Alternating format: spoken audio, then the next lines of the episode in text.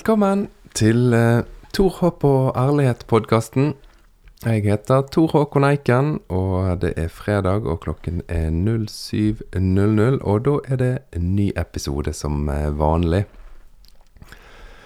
Det er nok ingen tvil om at hvis du snakker med noen av de som jeg eh, bor i samme hus med, eller no, altså barna mine eller min kone, så vil de neppe si at tålmodighet er noe som eh, er veldig fremtredende. Jeg vil at ting skal skje, og jeg har eh, altfor mange planer og ideer og tanker som eh, koker på. Men i denne episoden, da må jeg faktisk få lov å si at her har jeg vært enormt tålmodig. Det er en episode jeg har hatt lyst til å begynne på i hvert fall et halvt år. Eh, men jeg har holdt litt igjen, for jeg har tenkt at vi må på en måte prate om de litt videre emnene, og så vil det være bra å komme med denne episoden etter hvert.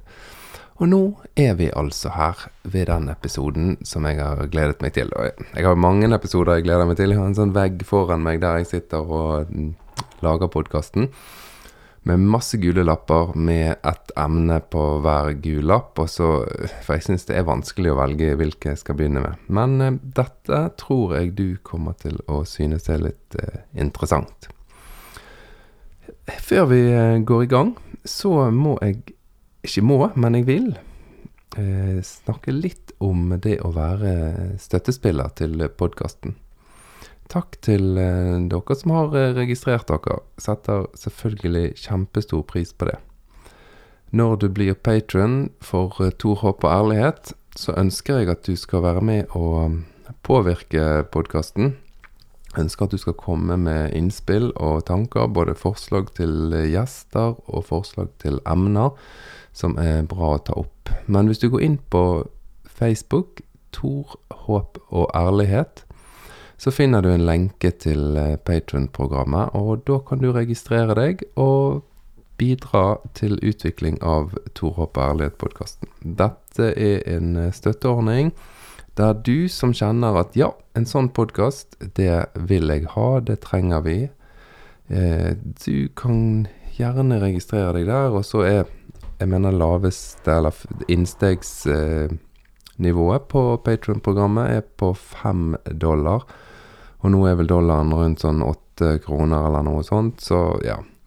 Litt over 40 kroner i måneden er innsteget der, og um, det er det en del som er med på det, så kan jeg øke på med flere besøk og flere reiser, så jeg kan lage denne podkasten enda mer interessant. Så tusen takk. Det vi skal snakke litt om i dag, det er rett og slett eh, Siden vi holder på med Er det makt i de foldede hender fra forrige gang, så må vi snakke litt om hvem er denne skaperen, guden, som vi henvender oss til. Går det an å forklare, beskrive, fortelle hvem denne skaperen er? Og det er det jo mange som har prøvd på. Og det er mange som har laget bilder og forklaringer på hvordan og hvem og hva som er viktig for skaperen. Og jeg skal bare veldig enkelt vise noen av de bildene som du finner i de gamle tekstene i Bibelen. Dette er jo tekster som jeg har nevnt før. 2500, kanskje 2700, kanskje 2300 år. Og noen av de er 1700-1800-1900 år gamle. Altså litt varierende, men det er nå i hvert fall gamle tekster. Tekster som har påvirket oss, og som har vedvart, og som har blitt videre uh, Hva det heter Overgitt til nye generasjoner gjennom, ja, bokstavelig talt tusener av år. Og hvis du begynner helt fremst, helt i starten av denne boken som vi kaller Bibelen, så kan vi lese om et bilde av skaperen som er ganske svært. Da begynner det sånn. I begynnelsen skapte Gud himmelen og jorden. Jorden var øde og tom. Mørket lå over dypet, og Guds ånd svevde over vannet. Her er det altså helt mørkt, helt svart. Det finnes ingenting, det er bare vann. Vannene. Det tomme, det, det Ja, det livløse. Og da er Guds ånd over alt sammen. Det er litt gøy å lære en litt om eh, hvilke gudsbilder som preget samfunnet når disse tekstene er beskrevet. Og da var en ganske opptatt av dette med kaoskrefter. At ting er bare kaos, og kaoset prøver å overmanne oss og ødelegge livet. Og det fantes en saltvannsgud, og det fantes en ferskvannsgud, og det fantes en månegud, og det fantes en solgud. Og her beskriver da forfatterne en situasjon der alt bare er mørkt og svart og kaos. Og så beskriver de en gud som svever, hovering, ruger, ligger over hele kaoset. Og så beskrives det som at de, alle disse gudene som finnes i samfunnet der, de får lov å eksistere videre. Men det finnes én som hover over everything, en som ruger, en som er over alle ting, og skaper orden i dette kaoset. Skiller saltvannet fra ferskvannet og plasserer gudene og gir de sin plass. Skiller dagen fra natten og sier til måneguden du hører til her, så her skal du stå om natten, og skiller solguden fra det, og så setter han du skal stå her, og du skal råde over dagen. Altså her møter vi en ånd som skaper orden i kaos. Utrolig kjekt, syns jeg, å lese den fortellingen med den bakgrunnen og tenke en som skaper orden i kaoset og får livet til å vokse. Men så bare, om du blar en side eller to videre, så får du et ganske annet bilde av en gud. Da kan du lese om en gud i, i kapittel 3, vers 8. Kan du lese om Gud som en skikkelse, en person, en eh, en venn, en som du kan forholde deg til å være sammen med og gå på tur sammen med. Som trives aller best i hagen når det er blitt litt svalt, når ikke solen steiker så voldsomt, men det er begynt å bli ettermiddag og litt sånn, ja, svalt på kloden. Og da er Gud blitt en som du kan gå sammen med. En som du kan være sammen med. Og blar du én side til, og kommer til uh, første Mosebok, kapittel 4, vers 6, så er denne samme guden en person som irettesetter en som har drept sin bror, altså en som har gjort noe forferdelig, urettferdig, stygt, ondskapsfullt, så er denne guden en som snakker direkte til denne personen og sier siden du har gjort dette her, så skal det skje sånn og sånn og sånn med deg. En ganske annen person. Så blar vi noen sider til, og så kommer du til kapittel 11. Og da kan du lese en fortelling om at det har vært en stor flom, ting har gått galt. Noen mennesker har store ressurser og har makt over andre. Og da begynner de menneskene å bygge seg et navn. De vil bygge seg et imperie. Og da kan du lese om en gud som kommer ned på jorden, og som står og tenker Hjelpe meg, disse menneskene, dette er det de prioriterer med en gang de har ressurser. Da vil de bygge seg et navn og gjøre seg sjøl stor. dette må vi hindre. Da snakker Gud om seg sjøl i flertall. Og da velger han altså å gi ulike språk til ulike mennesker, sånn at vi ikke er så samstemt om det å bygge et stort navn.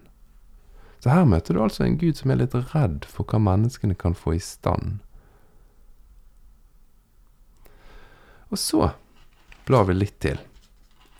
Og så er det en mann som heter Abraham, som får lov til å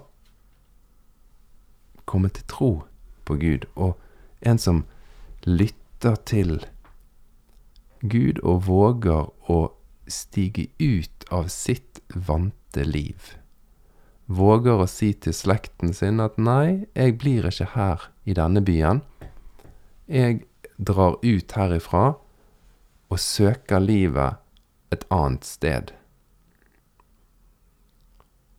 Og det som da skjer, er at da blir Gud presentert som en mann som bare kommer på besøk til leiren til Abraham. Og da er vi kommet til eh, kapittel 18. Og spiser middag hos Abraham. En helt vanlig vandringsmann som kommer og slår seg ned og spiser. Ganske fascinerende. Ganske stor forskjell til ånden som svevde over de svarte vanene der det ikke fantes noe liv, til en person som sitter og spiser måltid. Nesten som en sånn gresk eh, gud som involverer seg i menneskelivet, og som er som oss mennesker. Og så kommer vi til en historie som vi har snakket om tidligere på denne podkasten. Da kommer du til kapittel 35, og fremdeles er vi i første Mosebok. Og jeg har hoppet over mange bilder og fortellinger av hvordan Gud uttrykker seg på ulike måter, eller beskrives på ulike måter i denne her Bibelen. Og vet du hvordan Gud kommer og viser seg da? Da beskrives det et, en fryktsituasjon. En som er redd. En som kjenner at han ikke makter livet. Og da beskrives Gud i form av en person som kommer og slåss. En som bryter og slåss en hel natt med en person. Ganske annerledes igjen enn den guden som kommer ned og ser på. Hva er det disse menneskene gjør nå? Hva er det de holder på med? Kan de klare å bygge dette store navnet sitt og gjøre seg sjøl kjent og få makt over hele kloden? Her er det en som bryter med én en enkelt person i én livskrise. Jeg syns dette her er et kjempegøyt studie å lese og tenke hvordan har bildet og forklaringen av Gud endret seg? Jeg kommer tilbake litt til hvorfor jeg syns det er så interessant, men før jeg gjør det, så må vi ta et veldig kjent eh, bilde. Eller en kjent forklaring av hvordan Gud er. Og da hopper vi til andre Mosebok. Og så leser vi eh, i kapittel tre. Da er det en slektning av denne her Abraham som jeg nevnte i sted, som er ute og gjeter sauer og geiter, eller småfe, tror jeg det står. Og så er han ute og spaserer, og så Plutselig så ser han en busk som brenner. Dette har du sikkert hørt om, eller kanskje du har sett det i denne, noen sånn Disney-film eller noe sånt. Men han ser i hvert fall en busk som brenner uten å brenne opp. Det bare er en flamme som står på en måte i den busken, da. Så, men, men, busken er ikke i brann. Det bare er en flamme der som brenner. Og dette virker jo som en helt sånn random, helt tilfeldig plass. Der som Moses bare går og beveger seg sammen med dyrene som han gjeter. Men plutselig, i møte med denne brennende busken, så blir det stedet et hellig sted. Og Moses må ta av seg sandalene For han skal ikke gå med sko inn i en hellig plass. Litt som når du kommer til en moské, så må du ta av deg skoene og sette de ute før du får lov å gå inn til bønnetiden. Respekt. Hellighet. Men ganske nært allikevel.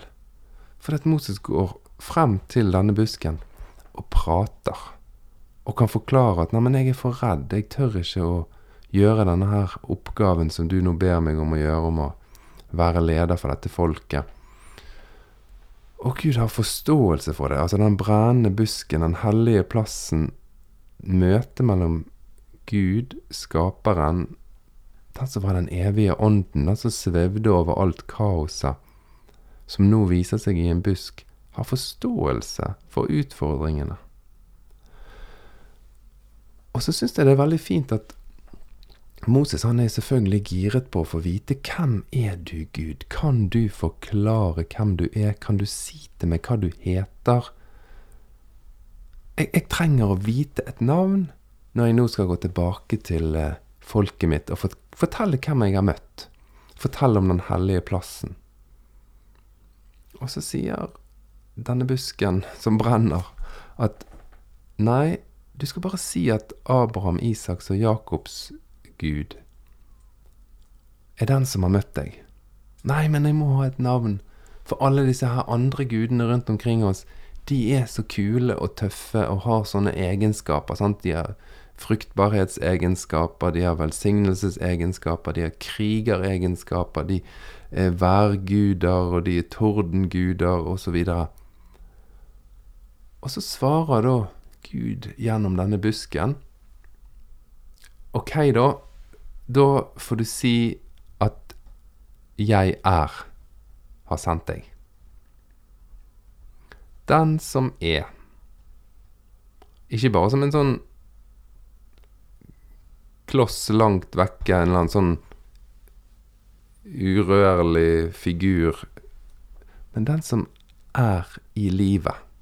Den som er aktiv, den som er skapende, den som er med i det som skjer, den som tar del i alt, den som er alt. Nei, du får ikke lov å gi meg noen navn som begrenser.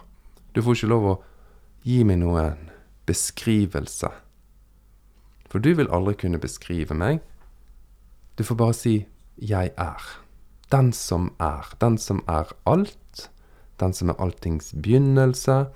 Den som er alltings liv og pust og ånde. Den som er. Hele verden har sendt deg til dette folket. Det syns jeg er veldig tøft. For at disse ulike bildene av hvem Gud er, som du finner gjennom hele Bibelen. Du finner jo hundrevis av ulike beskrivelser. Ingen av de samstemmer helt.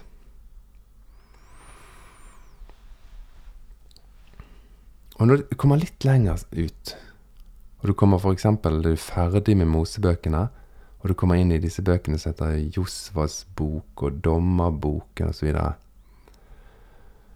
så ser du at eh, israelsfolket som har fått lover som handler om nestekjærlighet. Som handler om at alle skal ha like rettigheter, alle skal ha samme mulighet til å lykkes og ha et godt liv. Så ser du at det virker som de syns at det blir en litt for pinglete gud. I konkurranse med krigergudene og seiersgudene videre som er rundt de, så blir denne guden som er opptatt av nestekjærlighet og behandle tilflytterne som om de er en del av deg sjøl, ditt eget folk, eller det at du skal være like glad i naboen din som du er i deg sjøl, det blir litt pysete. Så da vil du se at de tillegger Gud ganske brutale egenskaper. Da blir Gud den som involverer seg i krig. Han blir den som sier nei, gå, gå inn og knus den landsbyen, og ikke noen skal leve. Ikke så mye som et dyr eller en fugl eller en baby skal overleve. Alle sammen skal drepes. Det skal ikke være noen igjen. Her skal det være fullstendig etnisk rensing. ganske annet bilde enn det som du leser om når ånden var over vannet prøvde å få orden på kaoset. Her er Gud blitt en som involverer seg i krig. Og når du kommer litt lenger frem og leser litt mer, så er det faktisk så drøyt at når det er en konge som ikke vil utføre etnisk rensing, en som kjenner at nei, dette blir litt for drøyt, det kan ikke bare sable ned kvinner og barn, det, går ikke. Da får vedkommende faktisk beskjed om at nei vel, da kan ikke du være konge lenger. Da blir du forkastet som konge. Hvis ikke du er villig til å gjennomføre disse grusomhetene på mine vegne, så får ikke du være konge. Og så vil du se at det forsterkes bare mer og mer, hele den uttrykksformen om at eh, den som er skaperen, den som er Israels gud, kommer til å ta hevn over alle de som ikke tar vare på israelsfolket. Alle som kødder med oss, kommer Gud til å knuse. Blir det mer og mer en sånn aggressiv tone om Guds holdning, og hvordan han og den som er skaperen, som er alltings opphav, er på lag med en gruppe, og de som prøver å yppe seg, de vil bli gruset på den verst tenkelige måten. Det rare er at det der krigerbildet, det har fått ganske stort feste. Det er jo fortsatt sånn at en tenker litt sånn at ja, hvis ikke en våger å være radikal nok og tøff nok og brutal nok i møte med mennesker, så blir Gud skuffet.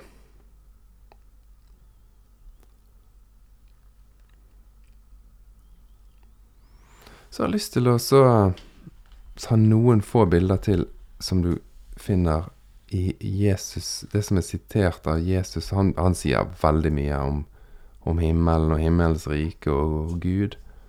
Og han sier hele tiden sånn Hm Når jeg skal prøve å beskrive Gud, hvordan skal jeg gjøre det? Det, det går ikke an å si et ord eller en setning som forklarer hvem min far eller min mor i himmelen er.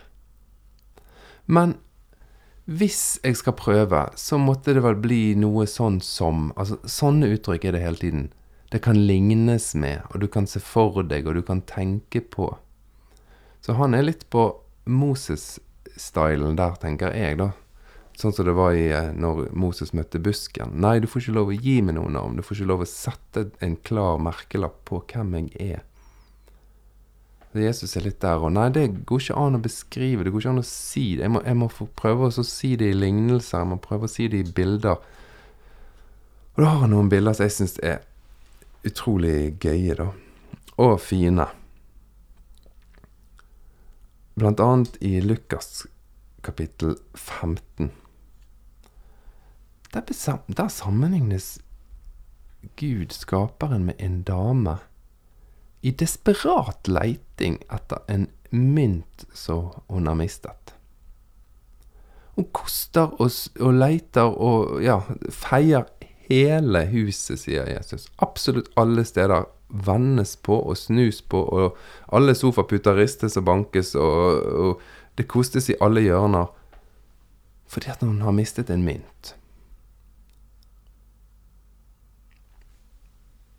Det er ganske kult at plutselig så er Gud blitt en desperat dame som leiter vilt for å få kontakt med menneskene.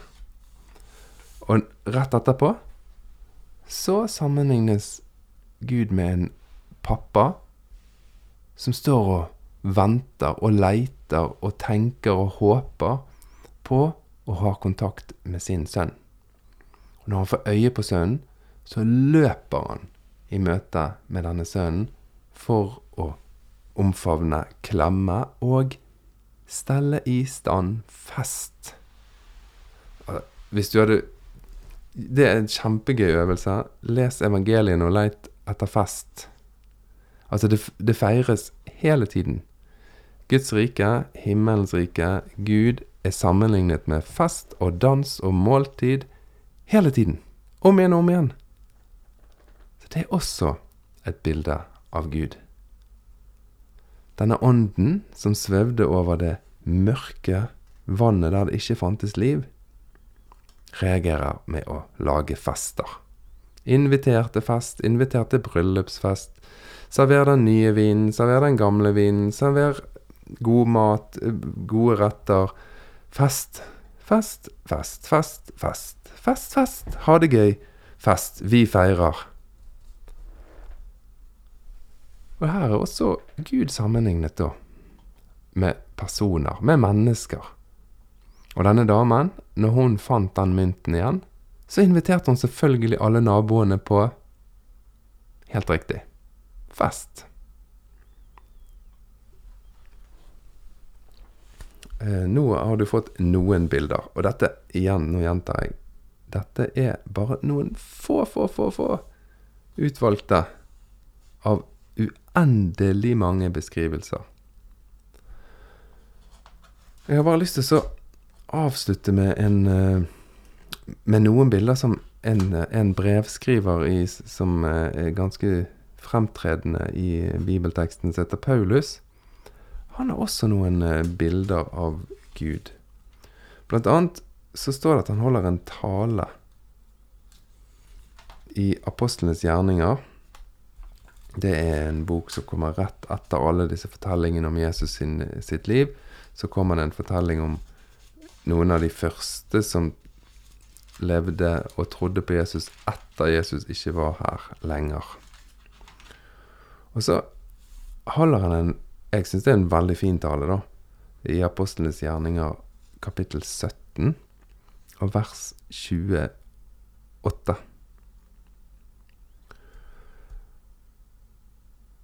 Og der sier Paulus at for det er i ham, altså i den evige, i skaperen, i Gud, vi lever. Det er i Han vi beveger oss, og det er i Han vi er til. Og så siterer han en av eh, den tidens kjente diktere eller filosofer, som sier For vi er hans slekt.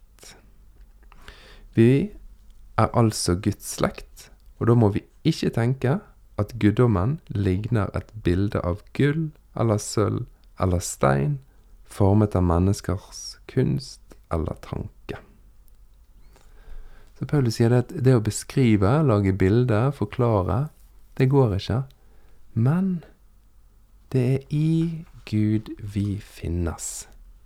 Det er nesten et sånn panteistisk gudsbilde Paulus drar frem her der naturen, skogen, havet, fjellene Alt vi beveger oss i, alt vi lever i, alt vi puster, alt vi gjør, det er skaperen. Det går ikke an å gjøre noe utenom skaperen. Og så når han skriver et brev til efeserne det er Ja, det er efeserne. At han skriver et brev til eh, noen som eh, ønsker å være Jesus sine etterfølgere i en by som heter Efesus. Og da skriver han i innledningsdelen sin, og på slutten av det første kapittelet, så, så skriver han at han har gitt At skaperen har gitt Jesus som hode over alle ting, og at den kroppen som Jesus er hode for, den er fylt av Han som fyller alt i alle. Det er jo et ganske voldsomt bilde, da. Altså, skaperen er en som fyller absolutt alt i alle. Og så sier han i et annet brev han sender til eh, da den menigheten som er samlet i Korint, en annen by Da sier han det at eh, skaperen han er den som gjør alt i alle. Fascinerende. Så når vi nå snakker om bønn, og vi hadde Er det makt i de foldede hender i forrige episode, så har jeg lyst til at vi skal sammen tenke litt på ja, men hvem er det vi henvender oss til? Hvor fins dette riket? Hvor fins Guds rike? Er det i oss? Er det gjennom oss? Er det rundt oss? Er det alt i alle? Er det Ånden som hviler over alt sammen? Er det denne personen som kommer og møter oss til middag? Eller er det denne personen som går tur med oss på kvelden? Eller er det denne kvinnen som desperat leiter etter oss? Eller er det denne pappaen som står og venter og venter og venter og bare ønsker kontakt? Hvem er det vi da henvender oss til? Ha! Jeg håper du syns at dette var interessant. Jeg syns iallfall at det er spennende å se at folk har prøvd å forklare. Og så har vi tatt vare på ulike bilder, og i ulike tradisjoner så har ulike måter å beskrive skaperen på blitt mer og mindre fremtredende. I noen perioder har han vært veldig opptatt av at vi ikke skal spille kort. I noen perioder har han blitt veldig opptatt av at alt blir verre og verre. I noen perioder har han blitt opptatt av at alt blir bedre og bedre. I noen perioder så er vi blitt opptatt av at menneskene er helt forferdelige. Og i noen perioder så er vi opptatt av at menneskene er helt fantastiske og bare er over alt annet. Jeg tror det er noen bilder som eh, fører til dårlig oppførsel og dårlig holdning overfor naturen og skaperverket. Noen bilder kan gi oss muligheten til å oppføre oss veldig dårlig overfor andre mennesker. Og være veldig tøffe og dømmende og knallharde. Så jeg tror det er verdt å tenke gjennom hvem det er vi henvender oss til. Men det er noe helt tydelig at å lande på at sånn er skaperen det er ikke mulig. Det har i hvert fall ikke menneskene klart, disse som har skrevet alle disse tekstene, og det er mange som har vært involvert i de. De har hatt veldig mange ulike bilder. Og nå har jeg ikke nevnt de situasjonene der Gud f.eks. er opphavet til både ondt og godt, eller der den onde har audiens med Gud og utfordrer Gud til å ødelegge livet til en mann, og Gud går med på den saken. Og jeg har heller ikke tatt de bildene fra salmene der Gud blir fremstilt som en ruset kriger som dreper for fote. Og så har jeg heller ikke tatt eh, bilder av eh, Gud som en hyrde, en som passer på og sørger for at vi får hvile til riktig tid, at vi får mat til riktig tid, at sjel og følelsesliv blir fornyet til riktig tid. Det er så mange bilder og så mange ulike beskrivelser. Jeg håper dette har vært en oppmuntring til å utføre en liten skattejakt. En skattejakt etter bilder som for deg gir mening, og som for deg gir ønske og lyst til å bli mer kjent med den som er alt i alle. Takk for at du eh, lytter til Tor, håp og ærlighet. Det kommer en ny episode neste fredag også, klokken 07.00. Og du, nå ligger det en spilleliste på Spotify som heter Tor, håp og ærlighet. Da kan du høre låter som eh, tar opp en del eksistensielle spørsmål. Det er i hvert fall en liste som jeg trives med. Og jeg er veldig glad hvis du sender forslag til låter som bør ligge på Tor, håp og ærlighetsspillelisten. Du finner den altså på Spotify, og det gjør du også med podkasten. Vi snakkes. Ha en kjempegod uke.